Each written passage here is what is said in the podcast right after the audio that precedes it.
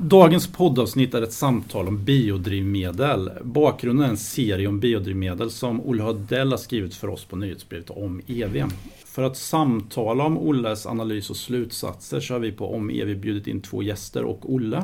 De två nya gästerna förutom Olle är Johanna Mossberg som är fokusområdesledare för området, området fossilfria transporter på RISE och Patrik Klimpom som är seniorforskare på RISE och också ordförande för styrgruppen för teknik och innovationsplattformen för biobränsle på EU-nivå. Mitt namn är Magnus Karlström och jag är redaktionschef för nyhetsbrevet om EV.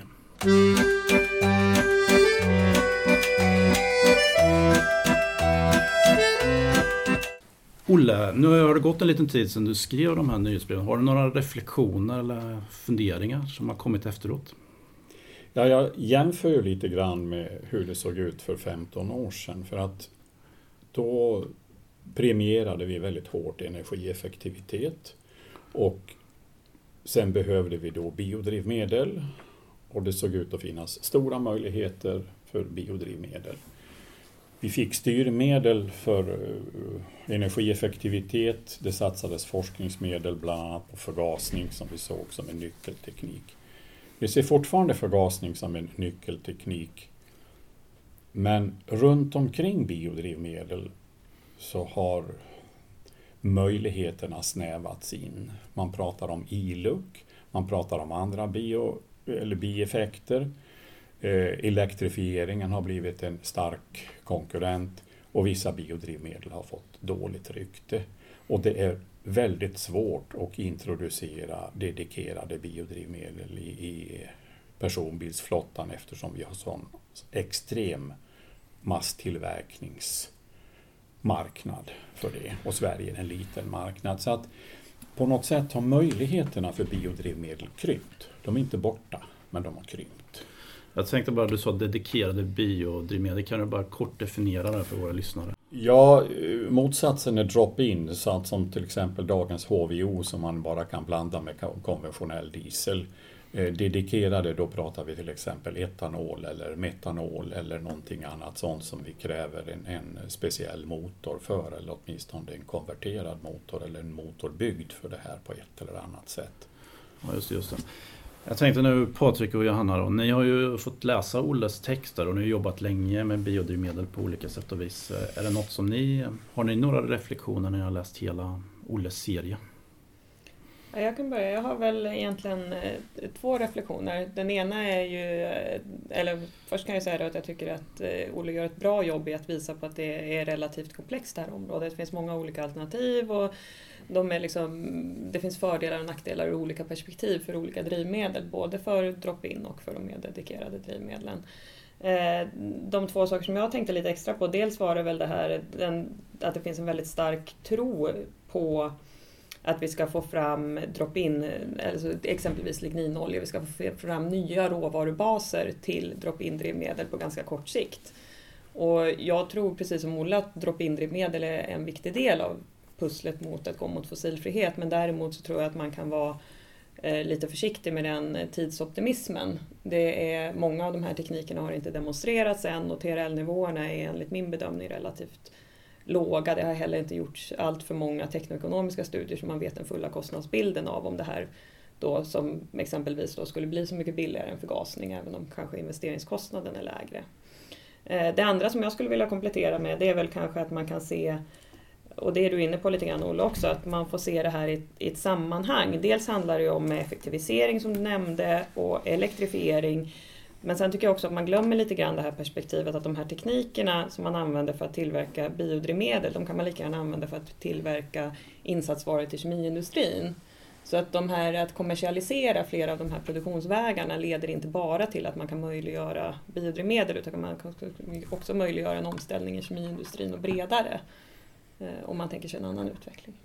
Jo, jag känner igen den där argumentationen och jag invänder inte för att det är ju en konkurrens mellan drivmedel och, och, och andra produkter. Och, eh, när det gäller de här drop-in drivmedlen var nog jag egentligen var ute efter att säga att om vi ska klara det där 70% målet till 2030 då har vi ingen chans att i personbilsflottan införa dedikerade biodrivmedel. Vi ska bygga upp en produktion och vi ska framförallt bygga om fordonsparken och utan internationellt stöd så är vi körda på det. Möjligheten ligger i om vi klarar att få fram drop-in. Det var egentligen kärnan i vad jag sa. Mm. Sen överlåter jag med varm hand till de som är processkunniga att förklara hur svårt det är att få fram dem. Ja, ja Patrik här. Och det, ja, jag, jag håller med i stort. Det är bra sammanställning och det som Olle har skrivit. Och, och, och, det är ju ett väldigt komplext område det här. Eh.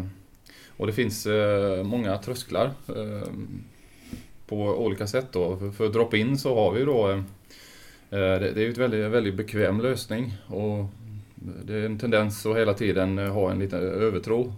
Lite på, på att eh, äntligen kom det en lösning då som inte kräver någon som helst teknisk förändring då. Exempelvis HVO, det är bara att blanda in det nästan hur mycket som helst mm. i existerande standard. Eh, problemet är ju då att vi hade ju väldigt lång diskussion när det gäller eh, RME eller FAME då. Att det har, det har en väldigt begränsad råvarubas. Och eh, HVO har då en något bredare råvarubas men den är inte mycket bredare än, eh, än FAME. Och, och därmed så är produktionsvolymen väldigt begränsad. Och, och, vi kan lösa det i Sverige genom att importera allting som tillverkas i världen. Då. Men, men då har vi faktiskt inte kommit så långt på vägen ändå. Då har vi bara blivit världsbäst i import. Så, så, och, det är en tröskel. Och sen kan man säkert bredda råvarubasen men där så är det väldigt mycket teknikutveckling kvar. Som Johanna nämnde då. Vi måste upp i TRL-skalan och eh, Ja, så, så, så där, där, finns en stor begränsning. Eh, dock så behövs ju de drop-in bränslena Ehm, och sen när det gäller de dedikerade så är det just det med att eh, vi har ett antal, eller eh, en väldigt stor mängd fordon ute på marknaden och personbilar i Sverige lever i medel, har en medellivslängd på 17 år. Så man ersätter ju inte de personbilarna så särskilt snabbt. Och eh, efterkonvertering till ett nytt dedikerat bränsle är ofta inte ekonomiskt lönsamt och dessutom så är det väldigt tuffa avgaskrav på fordon idag. Och få till det på ett bra sätt, eh, ja, anser jag eh, inte, det, det flyger inte. Så ehm, Problemet där är ju helt enkelt, var startar man då? Hur, hur får man igång dedikerade biodrivmedel? Och, och, jag tror att en nyckel där är väl att titta utanför, inte bara personbilsmarknaden, utan hur, hur kan man exempelvis få igång andra sektorer. Till exempel, eh, vi ser ju metanol eh, i sjöfarten. Och en färja som går på metanol, det är väl motsvarar, ja, jag vet inte hur många personbilar, men i alla fall över tusen skulle jag kunna tänka mig. Så kan man också få igång kanske, som DME exempelvis, kan man blanda det i gasol eller använda det för spritkök i husvagnar eller vad man nu hittar på. Så kan man då matcha, för det är väldigt svårt att matcha produktion och användning, volym. Alltså, mm. och, och, den här ja, hönan och ägget diskussionen. Hur, hur, hur bygger man en... Ja, om man ska bygga en förgasningsanläggning så måste man bygga en stor anläggning för att få skalekonomi. Men då står man samtidigt där med en väldigt stor mängd bränsle som ska ut på marknaden ganska omgående. Och har man bara en kund, personbilssektorn, som då, ja nu börjar vi tillverka bilar här. Och då, då finns det inga bilar. Så, så, och det är väldigt svårt att få det att gå ihop. Eh, så det, är väl en eh, nyckelfråga tycker jag. Hur, hur, kan man bygga marknaden för dedikerade? För, för, om man går tillbaka lite här i den bakgrund vi har eh, kring allt det här så, så är det ju faktiskt sedan länge känt hur man kan tillverka bränslen med hög verkningsgrad och hur man, hur man får hyfsat enkla processer för att få fram stora volymer till låg kostnad. Ehm, så att, ja, väldigt mycket är ju gjort, så det är rätt mycket gamla sanningar tycker jag som kommer tillbaka hela tiden. Det, det finns... Ja, men, men, problemet är ju alltså som du säger personbilsektorn. Alltså efter konvertering, om det ska överhuvudtaget ge ett avtryck på svenska marknaden så borde åtminstone 10 procent av bilarna konverteras. Det är uppemot en halv miljon bilar. Då måste man ha en stor tillverkare som gör det här, alltså i princip en, en biltillverkare som gör det. Mm. Annars så, så blir det inte. Och det kommer inte att vara kostnadseffektivt. Nej, det kommer... Och om man sen bygger på det du säger om att hitta den marknaden. Metanol tycker jag är ju lite intressant på det sättet. Man har ju testat det i sjöfarten. Det är ju inte bara Stena Line som kör det här. Det finns andra rederier som har, har byggt motorer. Mm. Man har inte det här masstillverkningsproblemet utan det går att bygga motorer styckvis för detta och det blir stora volymer. Mm. Den riktigt intressanta frågan är på landsvägssidan. Skulle det gå att etablera en marknad på tunga sidan? Mm. Jag har inget svar på det, men alltså Mm. producerar man väl metanolen, har avsättning på sjöfartssidan, så då skulle det ju tillförselmässigt skulle det ju fungera på Mm. lastbilssidan. Är marknadsförutsättningarna sådana? Ja, infrastrukturen kan inte vara ett större problem. Eh, lastbilstillverkarna har sagt eh, 60 tankstationer i Sverige för ett dedikerat bränsle så täcker man i stort sett marknaden. Och då är frågan, Mm. är det ekonomiskt möjligt att bygga motorer för det? För Ja. tekniskt är det, det har man visat Ja. sedan länge. Ja, ja, metanol om man säger rent eh, tekniskt sett så är det ju eh, oerhört många tekniker man kan tillämpa. Man kan, man kan eh, göra enligt Scania ED95 då, med metanol istället. Mm. Då får man ha lite mer tändförbättrare. Mm. Så kör man det då. Eh, Eller så kan man eh, i sån här ja, så kallad dual fuel teknik som eh, Volvos metanmotorer går idag. Så det går också att köra metanol. Alltså, metan är ju också ett ottomotorbränsle precis som metanol. Så det, det går att lura in metanolen i dieselmotorprocessen. Mm. Så, så, så det, det, det finns egentligen inget hinder eh, på det sättet. Sen så har ju väldigt ofta när metanol kommer på tal så är ju den här giftigheten och det. Men eh, professionell användning och eh, det finns helt spillfria system så jag tror inte det är mer ett hjärnspöke än något annat. Eh, och det, i, I slutändan så handlar det om att för att det ska bli volym på det här och inte bara en nisch så måste det vara lönsamt. Och tittar man på metanolpriserna som har varit historiskt sett så har de faktiskt legat under bensin väldigt ofta Räkna på energibas. Då. på energibas. Ja. Mm. Eh, och då, då har det väl såklart då varit fossil metanol på Ja. världsmarknaden. Men tittar man på eh, en rapport som finns bland annat eh, ifrån eh, Subgroup on Advanced Biofuels. eh, Det finns en som heter Cost of Biofuels, en rapport där. Så ligger ju metanolen väldigt eh, bra i den kostnadssammanställning jag har gjort för det State of the Art idag. Hur det, hur, vad kostar det att producera olika biodrivmedel? Så metanolen, eh, ja, den, den och det, om man tittar på det så är det ganska enkelt. Det är ju en enkel molekyl, det är inte så många processsteg. Det, man, Ja, Jonna, har du någon fundering runt metanol? Om vi... Nej, alltså jag kan väl instämma där att det, det är kanske inte den tekniska biten som är hämmande där utan det är väl marknad och inställning. Alltså Det finns ju systemstudier som man gjort inom F3, Svensk kunskapscentrum för förnybara drivmedel och relaterad verksamhet där man tittat på att man Exempelvis så skulle man kunna ta metanol till sjöfarten för en liksom helt okej Mm. eh, kostnad i och med att man kan acceptera metanol med högre vattenhalt Mm. där. Mm. Man behöver inte gå lika långt i upprening och liknande. Så att det finns, i, liksom så att säga, i alla fall på pappret, precis som Patrik säger, så finns det någon form av sannolikhet för att man skulle kunna få, få, liksom, få ihop det gångbart vad gäller ekonomi. Just. Eh, En annan kommentar som jag kan lägga till där som är väl också ett stort hinder det, det är att metanolen den, den, den bypassar raffinaderiet. Raffinaderiet behövs inte. Därmed är det inte särskilt intressant för oljebolagen för det, det, det är inte kopplat till en raffinaderiinfrastruktur. Det är ju frågan om raffinaderierna kan överleva efter 2045 om vi ska åka fossilfritt i alla fall.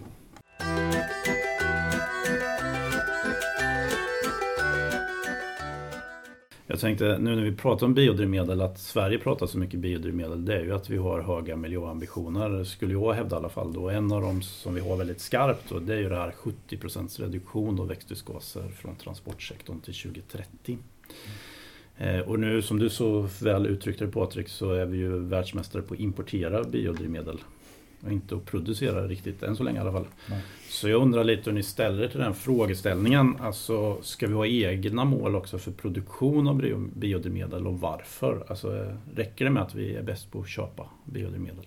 Alltså, Ja. jag har lyssnat på Johanna i utskottsdebatt. Ja, det- det hon har utvecklat den frågan. Absolut. Och jag skulle bara vilja tillägga, tillägga, var produktionen ligger är väl inte så intressant, men varifrån råvaran tas är väl Mm. intressant Ja. eftersom vi sitter på en stor råvarubas Ja, och det skulle kunna ge tillskott till den globala marknaden. man. Och sen eh, möjligheten att använda svensk teknologi och, Mm. alltså ur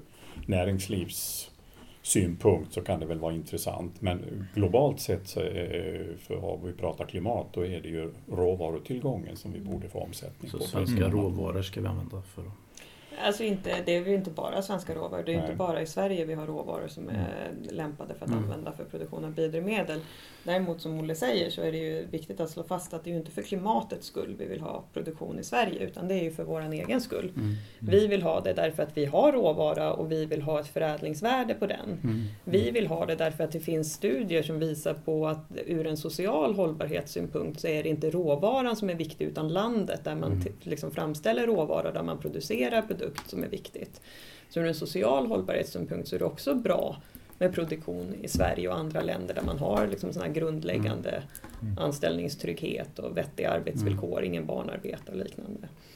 Eh, Vi vill också ha produktionen i Sverige därför att vi har teknikutveckling, vi har universitet och högskolor, vi har teknikbolag och vi vill kunna kapitalisera på de investeringar vi har gjort i det här. Vi vill ju ha eh, så att säga produktion i Sverige med förhoppningen att vi inte bara ska kunna producera drivmedel för oss utan att vi ska kunna exportera teknik och kunnande och kanske även drivmedel om vi lyckas med effektivisering och förändrat transportbeteende. Ja, just, just. Ja, det vore synd att missa den chansen tycker jag för vi har oerhört mycket kunnande hela vägen egentligen. Fr- Från eh, odlingen av råvaran och, och skötseln av skogen. Vi, vi har väldigt, eh, jag har, jag har varit med i flera stora EU-projekt med vi hade Mm. ett stort med massa olika medlemsstater i EU, Mm. eller medlemsländer i EU, inga stater. Eh, Och då, då, just det här unika kunnandet som vi har i Sverige eh, Bland annat i Frankrike där så var det, de visste inte riktigt men hur, Mm. hur, ska, man, hur ska man göra då? Mm. Eh, Då var det från oljebolagssidan då, men det finns inte den här. Vi har, vi har liksom väldigt lång erfarenhet och sen så har vi teknikkunnandet när det gäller att omvandla till eh, något som fungerar i ett fordon och sen har vi ju unikt stor fordonsindustri som har väldigt stor påverkan. Mm. Och vi kan demonstrera det här och visa det här och, och det är bra att vi, vi går före. Men, men, men det är just det att vi Sverige eh, kan ju inte gå före. Vi, vi måste ju tänka på vår konkurrenskraft också. Precis. Så, Det är väl en kombination, man måste gå före och få det att se så pass attraktivt ut så man är säker på att andra följer efter. Ja, precis. Om man går före åt helt fel håll då blir det lite knepigt. Nej, då är man ju med. Då kan man ju andra lära sig av ja. våra misstag, men det kan bli väldigt kostsamt för Sverige. Ja, Så det, så balansen är väl att gå före men att förhoppningsvis i rätt riktning. För det kan man väl säga, det är mycket prat. Jag kan tycka det att man, man vill aldrig säga så här, men varför ska jag ta den här kostnaden som skattebetalare här? Varför ska jag, Mm. varför ska Sverige göra det här? Mm. Alltså någon, någon måste också gå före. Hade vi anpassat oss så att vi också la oss på medel av EUs ambitioner eller i en lägre raddan av EUs ambitioner. Det är liksom om, om den som vill minst får bestämma mest, då blir det ju inte heller bra. Nej. Men det är en balansgång, Mm. givetvis. Ja. Nej, men I och med att vi har det här kunnandet, alltså från skogen via processindustrin till motortillverkningen, så borde vi ju kunna slå mynt av det på ett eller annat sätt och samtidigt gå i rätt riktning. Och sen tror jag inte vi ska ha allt för stora förhoppningar att andra kommer att följa efter. Jag tror att Holland har klena förutsättningar för skogsbruk till exempel. Ja, de vi måste ju verkligen importera. Men jag tror också det här samarbetsklimatet som vi har, att, att industri och eh, akademi och myndighet kan sitta ner i samma rum och ha ett eh, civiliserat samtal. eh, I Sverige i my- i mycket större eh, grad än i andra länder. Det, det, tror, det ska vi slå ännu mer eh, ja, mynt av, eh, tycker jag. Absolut, det tycker jag också för övrigt. Men eh, jag tänkte den här föregångsdiskussionen tycker jag är väldigt intressant. Då. Är det liksom, känner ni att det är några misstag Sverige gör i relation till... Alltså en av anledningarna till att vi har det här 70% målet är ju att vi ska vara föregångare så att andra kan se att vi kan lösa det här problemet. Om ingen kan kopiera oss så tycker jag det är lite meningslöst att gå före. Eh, så- Eller du sa, det, någon måste alltid gå före men det måste gå att kopiera tycker jag mm. i tillräckligt stor skala. Annars, jag har svårt att se argumentet annars, men ja, ni får gärna rätta mig. Och ska vi vara föregångare så ska vi ju göra det i en riktning så att vi kan liksom vara uthålliga i den här marschen. Ja, marschen för, mm. jag använde en gång i tiden ett uttryck som att man ska inte sätta full fart in i en återvändsgränd. Nej, precis. Nej, man ska ju inte springa utan karta. Så det var. Mm.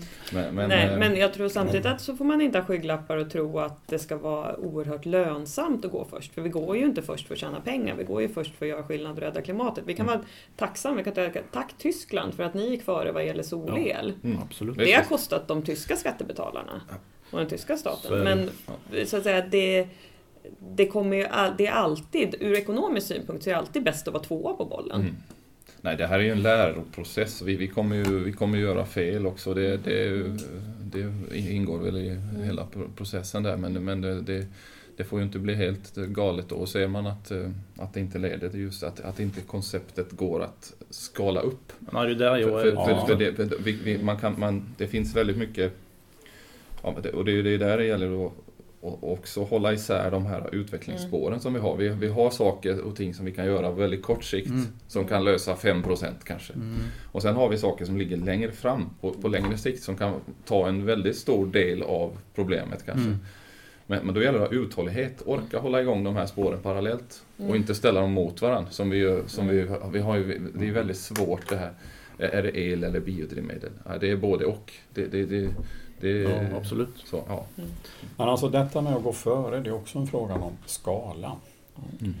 Om vi kan visa upp en fungerande kedja från råvara ända ut till vägbanan som leder till låga koldioxidutsläpp, mm.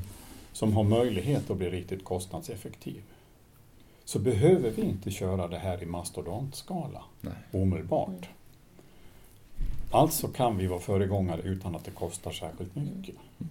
Mm. Och men vi har lätt för att stirra oss blinda på liksom att det är slutsiffran, den här andelen mm. fossilfri energi som vi stoppar in. Men mm. det finns också något som heter demonstrerade tekniker som fungerar. Jag skulle, I det sammanhanget så skulle jag också vilja säga, jag tror att du är inne lite grann i, det, i dina texter, just den här att den, det mest prisvärda är effektivisering. Mm. Eh, och det mest prisvärda, liksom så att säga, om vi jobbar med effektivisering och vi jobbar med ett eh, transport, vad kallar man, transporteffektivt samhälle så blir det ju också så att vi kommer inte behöva lika stora volymer biodrivmedel för att gå mot fossilfrihet, vilket också underlättar omställningen ganska radikalt. Och där tror jag det är viktigt att om man tittar på och utvärderar det här 70 procent, det är ju ett procentmål. Det är inte ett volymmål. Mm. Och om vi tittar på FFF-utredningen, och jag tyckte det var talande där på ETIP Bioenergys Stakeholder Plenary Meeting när man gick igenom vad har hänt sedan FFF-utredningen. Mm. Så har vi, vi är nästan uppe i 20 TWh, vilket är en indikation av hur mycket biodrivmedel vi skulle ha i scenarierna för 2030, mm. enligt FFF-utredningen. Mm.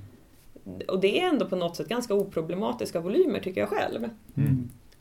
Vad har hänt på de andra bitarna av de scenarierna? Jag tror det är viktigt, precis som du sa, att det, det handlar om att försöka se synergierna och se hur det hänger ihop. Mm. Därför att man kan inte lösa omställningen i transportsektorn med en grej.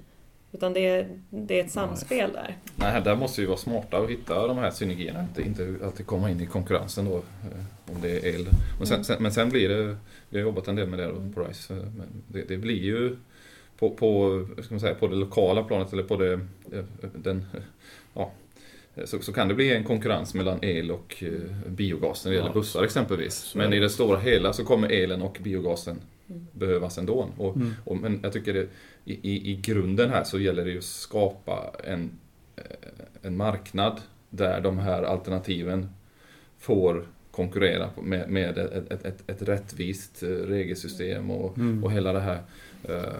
Det är en annan stor diskussion också när det gäller subventioner och sådär då. Det, det, det finns ju eh, man, man, har inte råd att subventionera i stor skala men, men det är faktiskt så att om vi tittar på fossila bränslen ute i världen så, så subventioneras de oerhört mycket. Det finns ganska ja, stor bredd i, i siffrorna där, hur, hur, mycket subventioner som läggs på, på de fossila.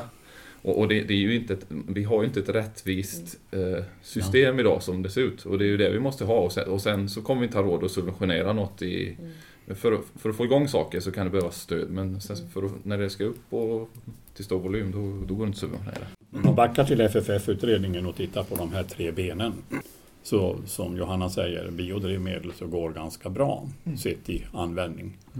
Eh, energieffektiviseringen står i princip helt stilla och samhällsomvandlingen mot energisnålhet, eller vad ska vi säga, transportsnålhet, står också i princip stilla.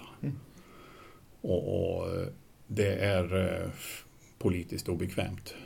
För pratar man med, med den typiske medborgaren om klimatfrågor, ja men de får väl hitta på en lösning åt oss. Det är det typiska svaret. Och, och, och det, var, det är lite där som, som HVO Mm. har sålts in då. Som Ja. att yes, nu har vi Mm. lösningen här. Nu kan Mm. vi bara köra vidare. Mm. Nu kör vi vidare Mm. bara. Vi bara byter bränsle. Vad skönt det var. Nu, nu är det klart. Mm. Det är lite så har det varit va.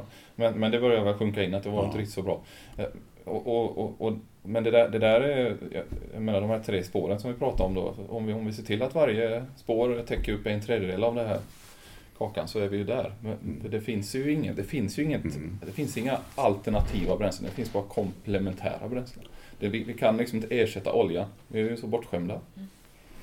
Men jag, jag är fortfarande lite inne på, för, för lite diskussion är ju systembränslen Sverige nu här. Jag är lite nyfiken på, för HVO-diskussionen är ju en sån, det är ju det du var inne på Mm. Patrik egentligen. Det är ju att det är liksom råvarubas, eller produktionsbasen för HVO är så liten i Europa så att om vi importerar all så är det ingen annan som kan använda den. Och har vi varit en föregångare då? Och då undrar jag om Sverige ska välja bränslen och ta hänsyn till den typen av möjlighet att skala upp eller inte.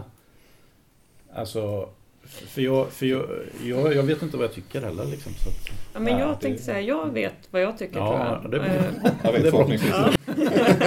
Men man kan ju ändra sig. eh, ja, det kan ändra sig. Nej, men eh, det, det är ju en balansgång. För samtidigt Mm. är det så att vi kan inte säga att vi struntar i vissa eh, råvarubaser för att de är för små.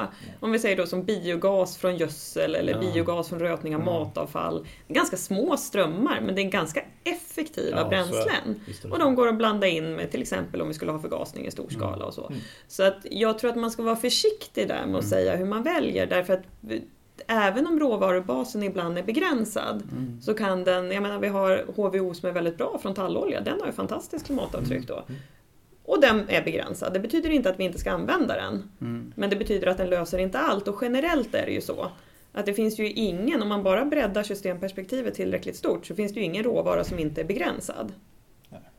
Nej, men det, men det, är- det är att vi behöver en nyanserad debatt Ja. på det här. Alltså vi, vi, Mm. vi, vi behöver vara tyd, det behöver vara tydligare och, och, och också i, i hela Mm. omställningen av hela samhället att vi, vi har det, det, det, blir ju till viss del många bäckar små då, med de här små som vi fyller på med och sådär. Men, men det måste vara mer, mer tydligt så att, vi, så att vi inte hela tiden, tror att vi Yes, den här lösningen. Och, och för, för, för det är ju synd om exempelvis en satsning på HVO då leder till att eh, man inte utvecklar förgasningsteknik. Mm.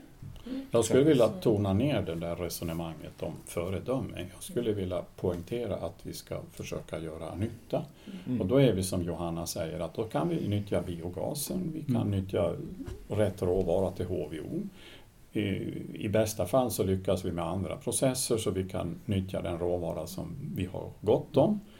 Och det är inte alls säkert att vi är ett föredöme för andra, men vi gör nytta. Mm. Att vi inte är ett föredöme det beror helt enkelt på att andra inte har möjlighet att följa efter. Mm. I vissa fall har de möjlighet och, och där skulle vi kunna, svensk industri skulle kunna dra nytta utav det. Men det kommer igen i, liksom i alla officiella dokument att vi ska vara föredöme, föredöme, föredöme. Släpp det där och, och se vad kan vi göra nytta och sen i det jobbet då så kan vi säga att aha, det där avsnittet är vi ett föredöme och det där avsnittet är ett föredöme. Mm. Ja, just det. Ja, det vidare. jag, Ja. jag skulle bara vilja poängtera det som Patrik sa, för jag tror att jag tyck, det tycker jag är väldigt viktigt, just den här att det, jag förstår att det är svårt för de politiska beslutsfattarna, men det är trots allt deras ansvar att kunna hålla någon form av två tankar i huvudet samtidigt. Att jobba både med det här med drop-in lösningar som är oerhört viktigt om vi ska nå de här målen på kort sikt. Och med dedikerade lösningar som är oerhört viktiga om vi ska nå fossilfrihet på längre sikt. Så att just det här att kunna jobba och hålla det i huvudet, att det inte är antingen eller, att, det liksom, att drop-in inte är hela lösningen och så kör vi på som inget annat det, det har hänt. Utan att tänka flera tankar samtidigt och jag är medveten om, det klarar jag knappt av själv, att det, det kan vara avancerat. Men det är, på något sätt så är det faktiskt deras ansvar att se till att, förutsättningarna är sådana att man kan jobba med båda lösningarna. Precis. Jag tänkte apropå två tankar samtidigt då, så är det en sak till förutom det här med systemgränsen Sverige utanför. Det är den här frågeställningen om att hela Sverige är inriktat på det här 70% reduktion av växthusgaser, mm. i alla fall de som jobbar inom miljöer. Men eh, vi har ju också ett mål då med nettoutsläpp noll då till 2045 och då är det frågan och Olle var lite inne i den i sin text då, och, och, det är ingen av oss som förespråkar att man ska ta bort det 70% målet. Man måste ju ha ett sånt liksom etappmål men frågan är Finns det liksom lösningar som man pushar fram för att nå det 70% som gör att vi inte kan komma vidare till nettoutsläpp noll då? Ja, det där är väldigt intressant. Jag, jag förstår att ingen som har svar på det. Det är en väldigt intressant diskussion som, som säkert eh, skulle kunna ja, och ett antal eh, forskningsprojekt och så. Men, men, men, det är en väldigt intressant fråga. Leder drop-in bränslen till en inlåsningseffekt? Ja. Då, exempelvis. Mm. Ehm, det kan ju vara vissa delar av systemen som leder till mm. och, och, och, det, där, det där är väldigt ja, men skulle, mm. Om man ser det ur raffinaderiets synpunkter så inom en nära framtid så är ju det här drop-in väldigt sympatiskt för dem. Mm. Och då är frågan om man sätter en deadline för dem framåt 2040-2045 mm. då ska det inte komma ut något annat än biologiskt, ja, sånt som är producerat av biologisk råvara. Kommer ni fortsätta vilja köra raffinaderi då? Precis. Och det är liksom deras business på något sätt att mm. vid ett visst datum så är det ingen råolja som ska in i det här. Mm. Kommer ni fortsätta vilja investera i det ni håller på med nu med ligninoljor och annat? Jag tror att man kan se det också att det, det är en industriell utveckling. Vi säger netto noll, man ska vara medveten om det också. Att ett netto noll-samhälle, det är ett radikalt annorlunda samhälle mot vad vi har idag. Jag lyssnade på ett sånt här IVA-seminarium med internationella perspektiv. Mm. De pratar om hur skulle man gå till motsvarande ja, 95% reduktion i Tyskland. Då pratar man om att mm. ja, men då skulle vi kunna börja stoppa in korna, skulle få här piller som slutar mm. prutta så mycket. Mm. Och det, det, tycker jag det känns, det är ganska liksom radikalt när man börjar ändra liksom, komagarna. Ja, det sa han ju också, att det, det är ju ett helt annat samhälle. Mm. Och på något sätt då så kan man väl säga att lite grann så går vi mot det också att i ett netto noll-samhälle så har vi ju inte raffinaderiindustri. Vi har inte den traditionella industristruktur som vi har idag. Vi har bioraffinaderier och det kanske är en blandning av olika industrier. Vi kanske inte tillverkar bara drivmedel, vi tillverkar drivmedel, kemikalier och andra produkter. Så att jag tror att det, det, det, är väldigt, det är också en sån här som blir begränsande i tanken, att det är väldigt svårt att se hur man från dagens system tar sig mot sånt som är så oerhört radikalt annorlunda. För det är ju inte bara transportsektorn som behöver vara väldigt annorlunda för att nå netto noll. Det är alla andra sektorer också. nej, det är bränsletillverkande industrin finns. De är ju behövs ju för att ställa om systemet men eh, i slutändan så ska de inte finnas kvar. Det, det, det, är en väldigt mm. svår ekvation att få ihop det. Alltså den fossila mm. Ja, sen 2045 instinktivt så känns det väldigt långt bort. Men backar man 27 år är vi på 1991. Mm. Och eh, världen såg inte så det väldigt mycket annorlunda nej, ut då. Så att det är en mycket eh, hastig utveckling som måste till. Och 2030 det är i princip redan nu om man tittar på ledtider mm. Det är 12 år, 12 år mm. bakåt till 2006. Mm. Så... Eh, är det miljötillstånd ja. och byggprocess? Ja, ja. Mm. Nej, det går väldigt, eh, väldigt snabbt. Och, och det är också det här man kan titta på då. Eh, man vet ju ledtiden på om man, om man tar ett beslut idag för att bygga någonting så har man fabriken om ett antal år. Det är väl den diskussionen som har varit med batterikapacitet också. Att bestämmer man sig idag så om åtta år, har jag för mig att det var, så börjar det komma ut batterier ur den fabriken. Mm. Det är likadant, sådana ledtidsanalyser kan man göra på oljeproduktion. Då. Ja, du kan göra det på, motorutveckling. Du kan ja. göra det på en, på en biltillverkning. Det tar fem år att utveckla bilen. Den, mm. den är i produktion i sju år, då är du uppe i 12 och så lever den kvar på marknaden i 17 år. Det är 30 år i stort sett. Alltså att, eh, bort, alltså. 2045 och 2030, det är inte så långt bort. Nej. Så.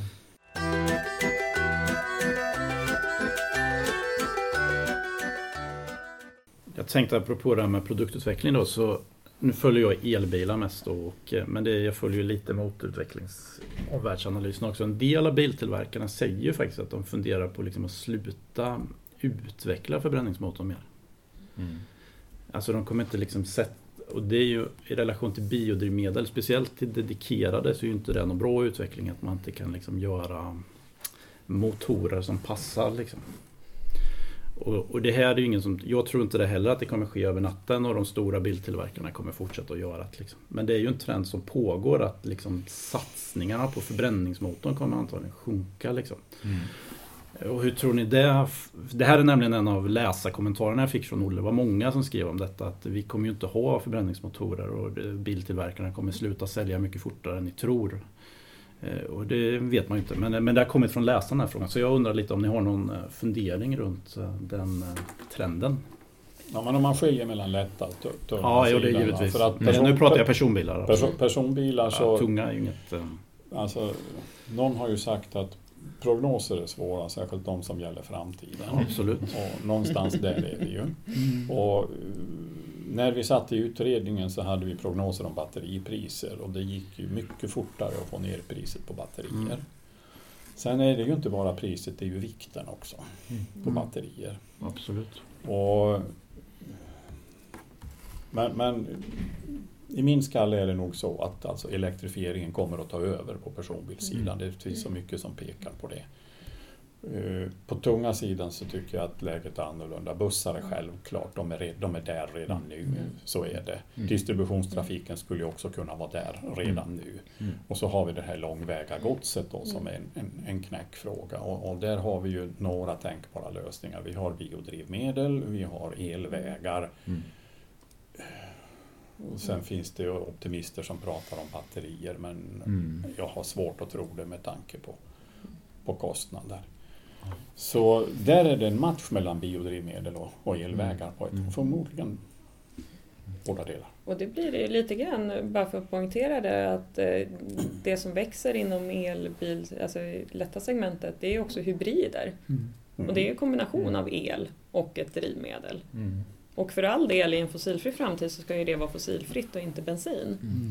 Så att eh, det, jag är helt med på att eh, man måste gå mot en kraftig elektrifiering inom personbilsflottan. Men det kommer ta tid och vi har kvar drivmedlen under en överskådlig tid. Både i de motorer som är på marknaden redan nu och sen i de hybridmotorer som utvecklas och, mm. så att säga, de, de kommande åren av försäljningar också. Mm. Så att, men jag menar självklart, det är väl väldigt positivt om man går mot en framtid där vi kan reducera behovet på lätta transporter. Mm. Så att vi kan ha den mängd drivmedel som vi producerar på ett effektivt och hållbart sätt. Att vi kan prioritera tunga transporter, flyg och sjöfart. Precis. Mm. Det är väl, eh, ja, just på personbilssidan då så, så är det så att eh, man tittar på de avgaskrav som kommer eh, bland annat på grund av den debatt och det fusk som mm. har varit i branschen så så kommer det bli väldigt dyrt och, och krångligt att eh, uppfylla de, de kraven. Och dessutom så har vi fortfarande en väldigt, som Olle var inne på, en kraftig eh, lärkurva på elfordonssidan med, med batteriteknologier. Och, så att där, där, går det, så brytpunkten är, är ganska snart eh, där, när, när elfordonen blir lönsammare. Problemet är väl då att eh, personbilskunder ofta inte räknar eh, på en total kostnadskalkyl utan man tittar mer på prislappen och sen försöker man glömma vad det kostar. Mm. på lastbilssidan så är det inte riktigt samma sak, eller på kommersiella fordon där är det ju väldigt eh, små marginaler och där räknar man väldigt noga, i alla fall i Europa.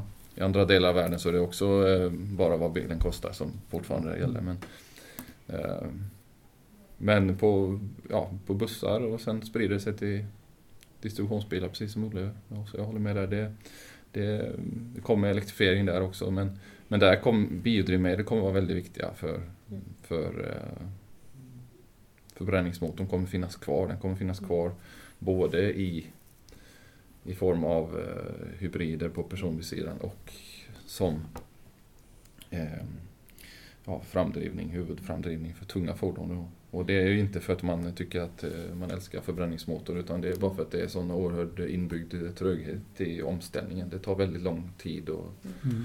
att ställa om eh, hela det här systemet. Men det är, ju, det är en skillnad tycker jag, liksom den här aspekten på att det kommer finnas kvar och att de kommer sluta att utveckla motorer i stor skala. Liksom. Mm. För det, det, kommer begränsa möjligheten att stoppa in nya bränslen. Mm. Tror jag, eller det är min tes i alla fall. Ja, alltså, en knäckfråga är ju... På lätta sidan då. En knäckfråga är ju detta med hybriderna då. Alltså, är det, är det ett övergående fenomen under en introduktionsfas eller är det en, en, en bestående konstruktion? Mm. Det väger, Ja, det, det kostar väger. och det kostar. Och om man inte ska göra sådana här värstingfordon utan fick göra en, en liten högeffektiv drivkälla som skulle assistera elsystemet, då var vi i ett annat läge. Då är hybriden intressant helt plötsligt. Nej, det, där är Då ju, kommer man att behöva utveckla sådana motorer. Absolut. Ja. det, det, det där är ju, ska man säga, jag menar, många av de första hybriderna, särskilt dieselhybriderna, är ju inte helt lyckat. Då- ska du både ha med dig ett, ett, ett tungt, eh, ja ska man säga, eh. Teknologisk och- julgran kallar Ja, exakt. Och du ska ha en väldigt eh, väl fungerande eft- avgasefterbehandling på Mm. den motorn som är med då. Mm. Eh, och så, så, så det där, men, men, eh, det är också det definitionen av vilk, vad har vi för behov när det gäller personbilar. Det, det finns ju den här debatten om räckviddsångest och sådär som, som nog är väldigt drivet av sådana som inte har kört elbil, hävdar jag. För att det, är faktiskt eh, eh, om man tittar på den eh, ja, ska man säga, körsträcka som man har normalt sett. Inte när man åker till fjällen, för det är ju det är så vi dim- dimensionerar våra bilar. Vi köper en bil som funkar till fjällen. Sen så kör vi runt med den resten av dagarna när vi, när vi hade klarat oss med 10-15 mils räckvidd kanske. Så eh, det där är ju intressant. Vad, hur, hur ser framtidens eh, personbil ut? Och det där svänger väl in eh, förr eller senare. Man kan väl säga att förhoppningen är väl att framtidens personbil inte är så mycket av personbil utan mer av kollektivtrafik. Alltså det är ju den här att Ja. vi inte glömmer det också att det är väl Så jättebra om vi efterfrågar mindre biodrivmedel om det är för att vi efterfrågar mindre energi för så att säga transporter på det sättet. För att Mm.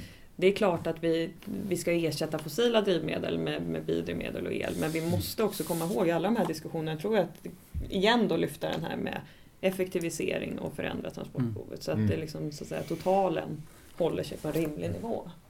Men sen är ju dock bilen oslagbar i Mm. många... Och, och då, jag menar, det kommer finnas ett behov och, Mm. och alla kommer inte bo i storstäderna. Så eh, bilen är väldigt viktig. Och, så att man ska inte behöva känna sig som en skurk bara för att man vill köra bil tycker jag. Det finns nog bra lösningar på att göra Ja. den bra också. Jag tror att Sverige kommer att ha svårt att vara föregångare när det gäller att reducera bilbehovet. Vi är glest befolkade och vi har en, en tradition av att vi ska ha sommarstugor och att vi gör det självfixare och jag tror att vi har all time high när det gäller antalet hästar i Sverige som ska transporteras med Ja, kärror. Vi är helt, vi är helt när det gäller andelen dragkrok på bilarna. Vi har Ja. 51 procent av bilarna har dragkrok och vi är en synnerligen udda marknad, inklusive detta med kombibilar. Mm, just. ja nej, och vi vill ju Ja. ha en levande landsbygd och Ja. hela Sverige ska leva. Så, och då jag menar bilen är... Den är Ja. givetvis viktig. Jag tänkte gå över till ett annat begrepp här lite. För vi har pratat om föregångare och det här eh, kort och långsiktmål och så. Men jag tänkte prata teknik nu, neutralitetsbegreppet då. För Olle var ju lite inne på att eh, inte skippa det men kanske vara lite mer begränsat hur viktigt det är då för eh, målsättningen. Och, och jag tycker ju personligen att det alltid har varit lite fluffbegrepp för Sverige. Jag har aldrig haft teknikneutralitet när det gäller fordonssidan. Liksom. Så jag tycker det är lite tveksamt eh, att använda det. Eller då har man definierat det väldigt brett. Tycker jag. Mm. Men, men vad tycker ni liksom, vad tycker ni om teknikneutralitetsbegreppet och var ska det användas? Och Alltså det där, för, för mig är det där en, en fråga om var någonstans i utvecklingsprocessen man är. Mm. Alltså pratar vi ett 2030-mål. Vi har ingen användning av forskningen fram till 2030 för vi inte, hinner inte omsätta det till kommersiell lösning. Vi har ett antal tillgängliga tekniker som vi kan utvärdera så det är frågan, ska vi klara 2030-målet så får vi stödja dem på ett eller annat Mm. sätt. Men däremot i ett tidigt skede på forskningen, där ska vi liksom Mm. låta det vara brett. För där kostar det egentligen inte pengar, det är lite personallöner. Jag vill kontrastera där. Jag skulle Ja. säga att det är i någon form av midjeperspektiv. Alltså i tidiga skeden Ja. så ska det vara teknik, alltså forskning ska få vara fri, det ska vara teknikneutral. Sen hamnar du i den här om man säger när du har saker och ting på hyllan då är det också Mm. bra med teknikneutrala Mm. styrmedel så får du kostnadseffektivitet. Men teknikneutralitet kommer aldrig lyckas ta dig över Valley of Death. Nej. Och där behövs det någonting Mm. specifikt. Så däremellan, alltså någonstans där mellan FoU och på hyllan Mm. kommersiellt. Där behöver man vara teknikspecifik. Det säger, ju Mm. liksom, det säger ju innovationsforskningen också. Mm. Eh, Däremot så är det ju ganska svårt att få till det också på ett bra sätt. Mm. Men där finns det ju ett behov för just det här med att eh, teknikneutrala styrmedel det kommer gynna det som redan är kommersiellt. Och det är fine med det så länge det är det man vill uppnå med sina styrmedel. Mm. Jag tycker att teknikneutralitet ofta används bara som ett skydd för att man ska slippa läsa på och ta ställning. Mm. Ja, det är ofta så. Mm. Uh, ja, teknikneutralitet, det, det, jag menar, vi, vi, vi, måste ju också faktiskt våga använda den kunskap som vi har tagit fram. Uh, ja. och, och, lyfta fram uh, bra saker. Så, så det, det teknikneutralitet måste användas inom rätt ram, tycker mm. jag. Det, och där, ja, man måste också våga välja. Mm. Jag tänkte att vi lämnar teknikneutralitet och går till ett eh, litet ställe då, som heter EU, eller inte litet, men mm. Eh, de har ju inte riktigt varit teknikneutrala då, eh, i bemärkelsen bränsleval då, utan i alla fall i relation till bygga tankstationer så har de ju tydligt valt ut tre. El, vätgas och gas, då, eller naturgas. Mm. Eh, och det är också så tycker jag, en av anledningarna är ju, tycker jag då som eh, extern betraktare, att de är eh, en, en lite mindre ambitiös inriktning på biodrivmedel i EU än vad Sverige har. Då. Mm. Och då är min fråga till er, vad tycker ni, hur ska Sverige förhålla sig till det? Att EU har alltså, liksom... Jag är ju inte inne i de där sammanträdesrummen, men vad jag skulle önska en offensiv hållning från Sveriges sida så man kan visa på fördelarna med vissa typer mm. av drivmedel så att man skaffar sig ett handlingsutrymme. Mm. I de utredningar som jag har suttit i genom åren så har det ju alltid varit det dödande argumentet, det här får vi inte göra. Mm. Mm. För det står i strid med EUs bestämmelser. Mm. Och vi behöver det handlingsutrymmet. Mm. Jag hörde Göran Persson på en biogaskonferens här för ett och ett halvt år sedan vi kan köra samma fula trick som andra länder gör. Vi, vi kan blockera en helt annan fråga bara för att vi ska få utrymme för biodrivmedel. Jag vet inte, jag är inte politiker så jag vet inte, men det var ett intressant inlägg. Mm. Mm. Nej, men när det gäller det här direktivet för äh, ja, bränsleinfrastruktur, DAFI som det kallas, mm. så, så, så, ja, kan man säga, vi hade ju det här pumplagen i Sverige då som mm. sågades eh, totalt men ändå genomfördes. Och, och det här är egentligen en eh, uppskalning av den dumhet som vi gjorde i Sverige då. Med, så är det absolut. Så, så att, mm. och, det är väl fint det, att kunna vara ett föredöme? Ja, fast det var ju... De har inte riktigt sådär. lyssnat. Okay. Eh, men, men, men, men och, och, sen så var det ju väldigt mycket, vad ska man säga, det, det, drivet ja, lobbyister då som, som från gassidan då.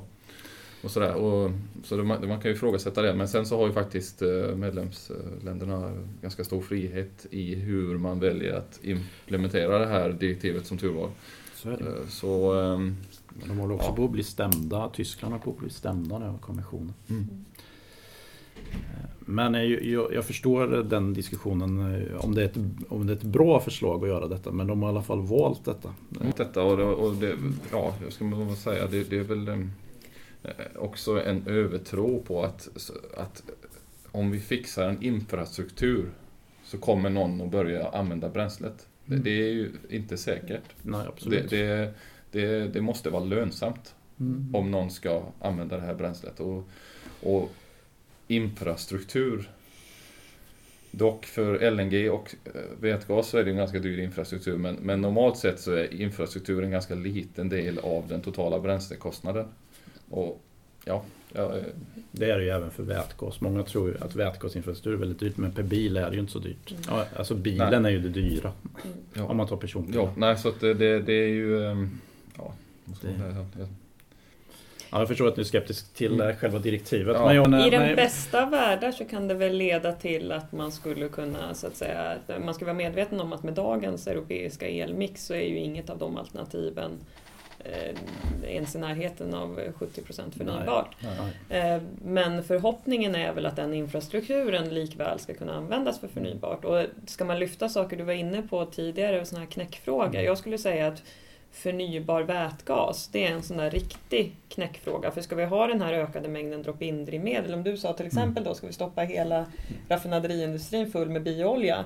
Oh, Ja men du, det är ett helt annat vätgasbehov där mm, nej, att hantera. Mm, mm, eh, och är den vätgasen fossil, då är det på håret att vi når de ja, målen som är i mm. reduktionsplikten. Mm. Så att just det här med förnybar vätgas, att jag, jag kan så att säga, om man ska inte vara ta det på den positiva sidan. Mm. Eh, att stödja utveckling och introduktion av förnybar vätgas kan, ha en, eh, kan vara en nyckelfråga inom flera olika industrisektorer, inte bara Absolut, det var ju då stålindustrin, det här nya projektet Mm. i Sverige då, Mm. vart officiellt. Och du kan ju använda vätgas för att ehm, eh, blanda ut ska man säga, Ja, syntesgas och öka outputen med faktor Mm. 2 från en förgasningsanläggning. Så det finns massa spår att använda vätgas. Och, Mm. Så att det är inget emot det.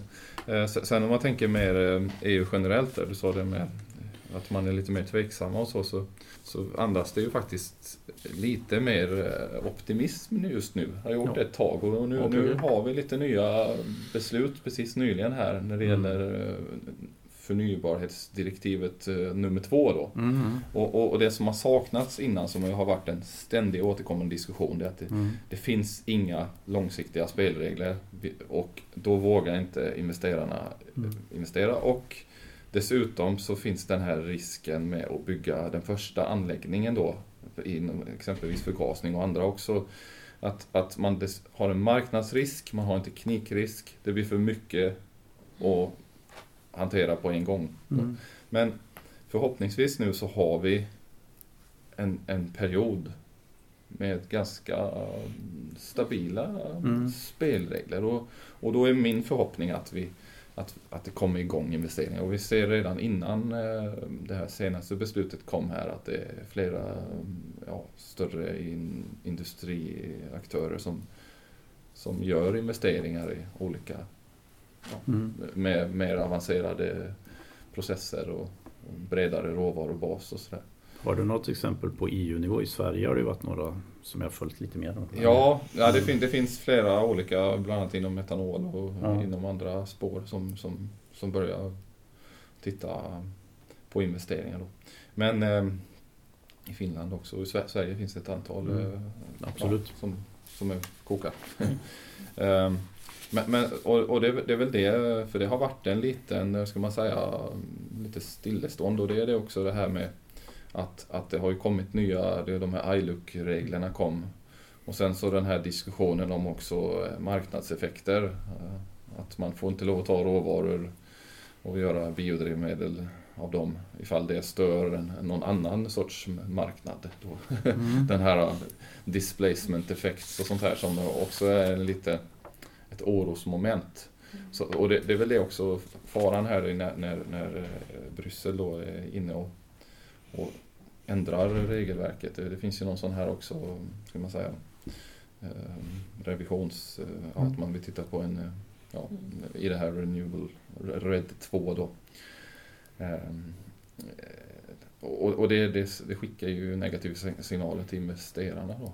Mm. Så att, och, men eh, ja, vi får väl hoppas. Men du ser lite mer positivt på utvecklingen? Ja, det, det, det, det, det är ett ganska, ganska intressant eh, begrepp som lanseras. Vi hade en sån här stakeholder plenary Mm. meeting i Bry Bry- Bryssel här med Ethic Bioenergy och då lanseras den här eh, tanken. För det har varit väldigt mycket diskussion om att ja, förnyelsebar råvara är inte hållbar eller också är den väldigt hållbar och den här Mm. ständiga diskussionen om Mm. hållbarhet då. Men att det, det finns på något vis en, eh, de kallar det för en agreeable corridor. Det, det finns en viss mängd och en ganska ansenlig mängd Mm. biomassa som kan tas fram på ett hållbart sätt Mm. som vi kan Mm. göra biodrivmedel av i Mm. Europa. Mm. Och, och då tycker jag då går vi dit. För vi hade också prestationer från International Energy Agency och de sa i vartenda eh, scenario som de har som, som leder till låg eh, klimatpåverkan så spelar biomassan och biodrivmedel en väldigt Mm. stor roll. Ja, det. Och i deras scenario, huvudscenario där så står faktiskt biodrivmedel och elektricitet i transportsektorn för ungefär lika stor andel Mm. Energimängdsmässigt. energimängd. Ja.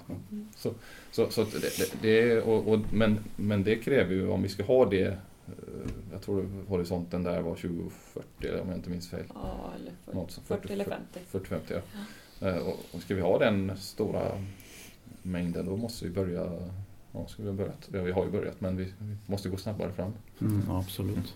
Nej, vad jag skulle vilja se det är att man alltså för att kunna bestämma sig vad det är man ska göra skulle jag vilja att man sätter upp ett antal tänkbara alternativ som, som leder till fossilfrihet. Eh, funderar över var finns hindren på vägen? Mm. Alltså det kan vara råvara på ett ställe.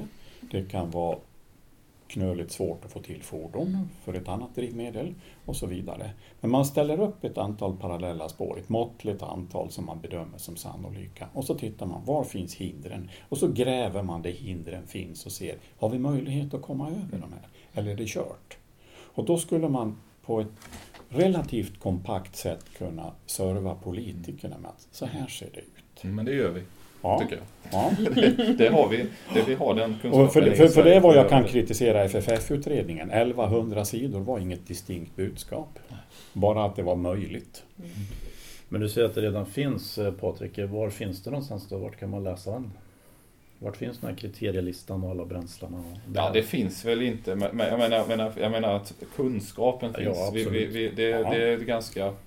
eh, Jag skulle vilja ha den Ja, sammanställd. ja att men det, det, det, tycker jag, det tycker jag vi hittar formerna för att göra. Ja. Det. Så, och det, och det, det, tror jag inte är något problem. Jag tror vi, som jag sa innan, vi har Mm. hela skalan och Ja, sen har vi ja. kontakten ut mot... Eh, Du menar att man inte ens behöver gräva där hindren finns? Jo, det be- behöver man kanske Ja. göra och titta på hindren. Är, det, är det, och, och det är också det här, vad är det för, vad, vad är det för hinder? Mm. Är det naturlagarna så är de svåra. Det- Och- Men det kan man, det kan man avskaffa med ett majoritetsbeslut Ja, ja, ja precis. Ja. Men jag tänkte apropå hinder då. Ja. Eh, Olle använder de här sju kriterierna från Argon National Laboratory som bas då för att liksom utvärdera vilka bränslen som är lämpliga att använda. Mm. Alltså någonting som jag ofta saknar när sånt här debatteras, alltså det såg jag även i utskottsrapporten, det är alltså möjligheten att få en till en fordonspark för det här bränslet. Mm. Och och det, det är ofta väldigt diffust och och det är ofta väldigt underskattat. Och, och jag skulle vilja att någon gräver tydligare på tunga sidan Mm. och kanske tunga sidan i kombination med fartygstrafiken. För, att, Mm. För mig Ja. känns det som att det, det är i alla fall den lättaste vägen att få ut det. För personbilstrafiken, ja, men, låt elen ta det då och finns det drop-in så är det bra. Skit i resten. Möjligtvis om jag som motortekniknörd så skulle jag vilja göra ett litet fint drivaggregat till en plug-in hybrid. Mm. Det är många som skulle vilja göra det kan Ja. jag säga, motorutvecklare. Ja. Men, eh, Ja. men det är... eh, Nej, men men, men det, det är ju så, alltså det, tunga sidan har ju något lägre trösklar i och med att eh, Ja. bränsleinfrastruktur kan ordnas ganska lätt. eh, Ja. Och det är likadant på bussar i Ja. en Mm. stad. Ja. Alltså, du kan ha ett par eh, tankställen så har du, försörjer du en ganska stor eh, Mm. mängd fordon. Då. Skulle det kunna Så. gå att samla en kommission i Sverige där vi har liksom skogs och processindustrin och fordonstillverkarna se om man kunde samlas runt någon slags utvecklingslinje runt det här. Utvärdera de här handlingslinjerna och se.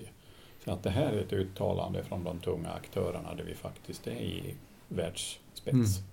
Ja, viljan finns ju så att det borde inte vara Mm. omöjligt. Tycker jag. Det är en intressant tanke. Det är lite dit vi måste komma också. Det måste Ja. bli verkstad. Ja.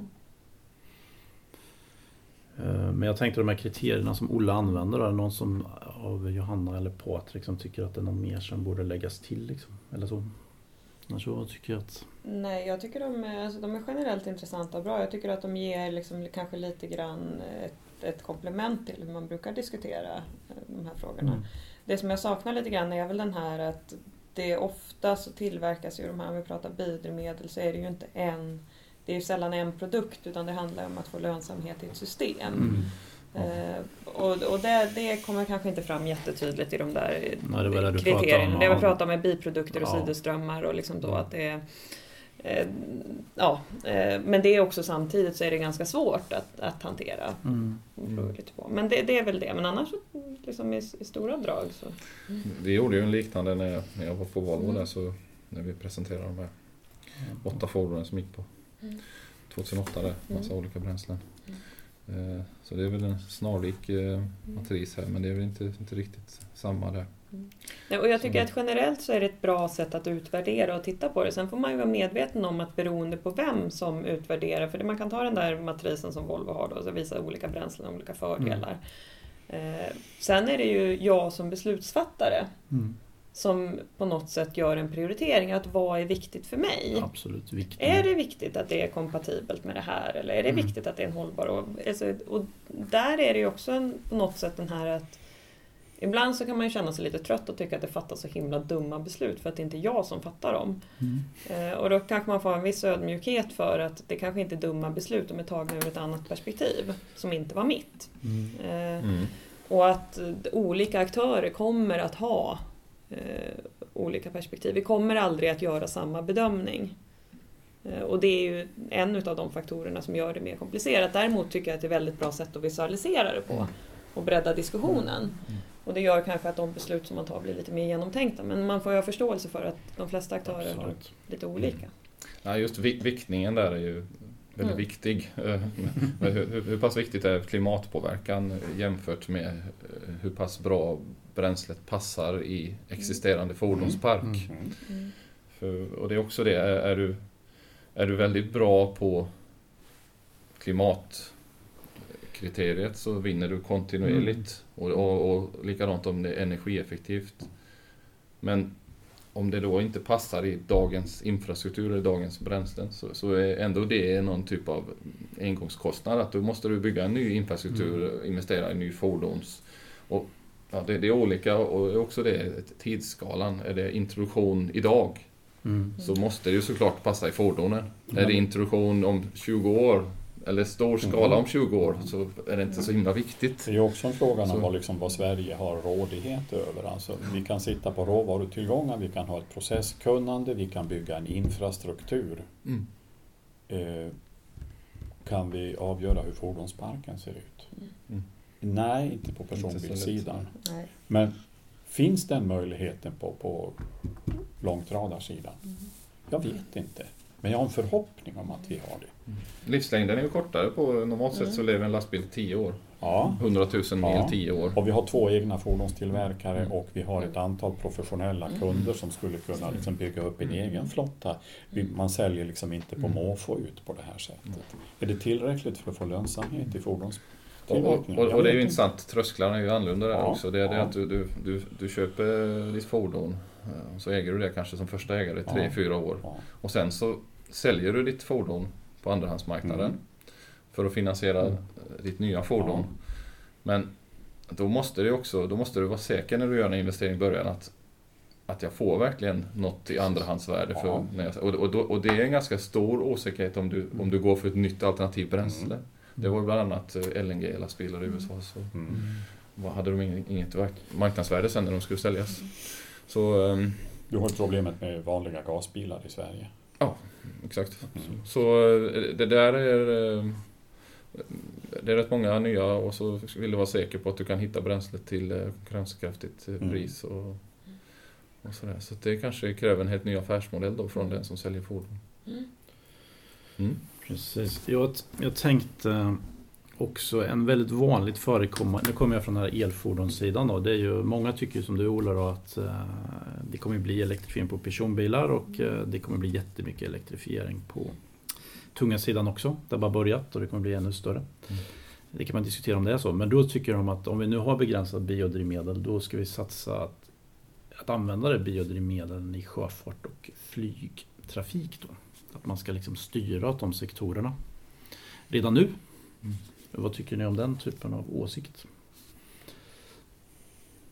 Jag tycker att det är lite tidigt att börja styra redan nu med Mm. tanke på att vi har ganska mycket drivmedel som är fossilt som vi använder och att jag Mm. menar, även om vi elektrifierar så är det inte klart tills imorgon. Nej. Eh, Jag skulle väl säga att jag skulle tycka att det gäller att skapa en marknad för de här processerna som tillverkar de här drivmedlen från de hållbara råvarubaserna.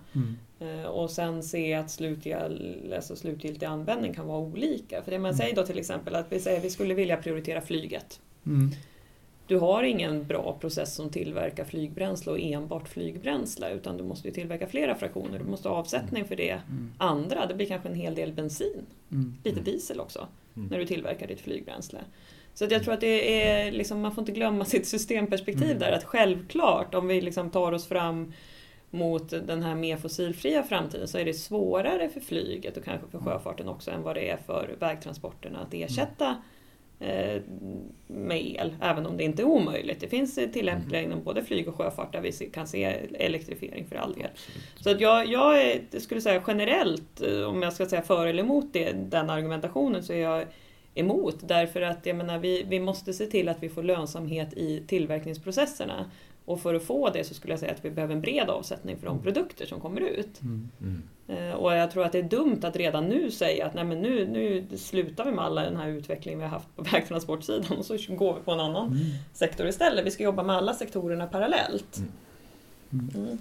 Nej, jag tror det också. Jag håller med där. Det, eh, och, och sen tror jag flyget där är ju lite inne i en annan fas. Än, man, man har inte kommit lika långt på flygsidan i diskussionen.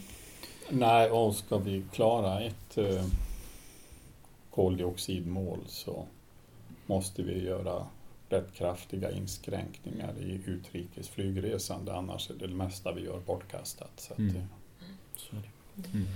Jag tänkte vi försöka knyta ihop säcken från den här lilla podden då, men eh, är det något som någon av er skulle vilja liksom lägga till som vi inte har diskuterat eller om ni har någon speciell kommentar? som ni har kommit på under samtalet som ni vill lyfta fram? Jag tycker samtalet har varit intressant. Jag mm. Tycker det är roligt att fortfarande kunna lära sig saker Utav de som är experter. Jag har tillbringat snart 20 år i branschen och pratat med experter hela tiden som har försökt lära upp mig på saker och ting och det pågår fortfarande så det är jag mm. nöjd med.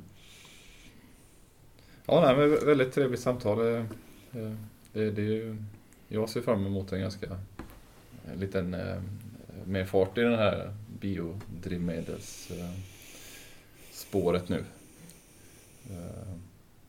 Hoppas verkligen på det att, och, att, och att Sverige är där också, att vi kan utnyttja all den kunskap vi har. Jag tror det är väldigt... Eh, eh, så jag tycker vi ska vara smarta här och ja, hitta vägarna framåt och också att vi har faktiskt väldigt god kunskap när det gäller elektrifiering. Så är det absolut. Så vi, och det, båda behövs. Så, ja. Mm. Jag tror det är där vi har chansen att fungera som föredöme. Hur mm. vi liksom använder tekniken, var vi står teknikmässigt och så vidare. Mm. Vi ska inte räkna föredöme som, som volym, biodrivmedel ute. Mm.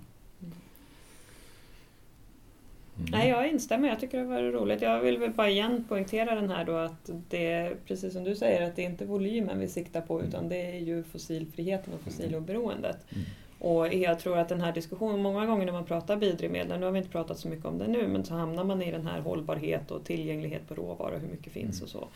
Och lite grann igen då att lyfta den att under förutsättning att vi verkligen levererar på det här med el, energieffektivisering och transporteffektivt samhälle. Mm då blir det betydligt mindre problematiskt med råvarufrågan till biodrivmedel också. Ja, jättebra. Alla ni som har lyssnat då, ni har lyssnat på en podd från nyhetsbrevet om EV som är helt finansierad av Energimyndigheten samt Swedish Electromobility Center är värd. Eh, och musiken som ni kommer att höra i pausen här är gjord av bandet Vintergatan och Olle, Johanna och Patrik. Tack för att ni var med. Tack så mycket. Ja, tack så du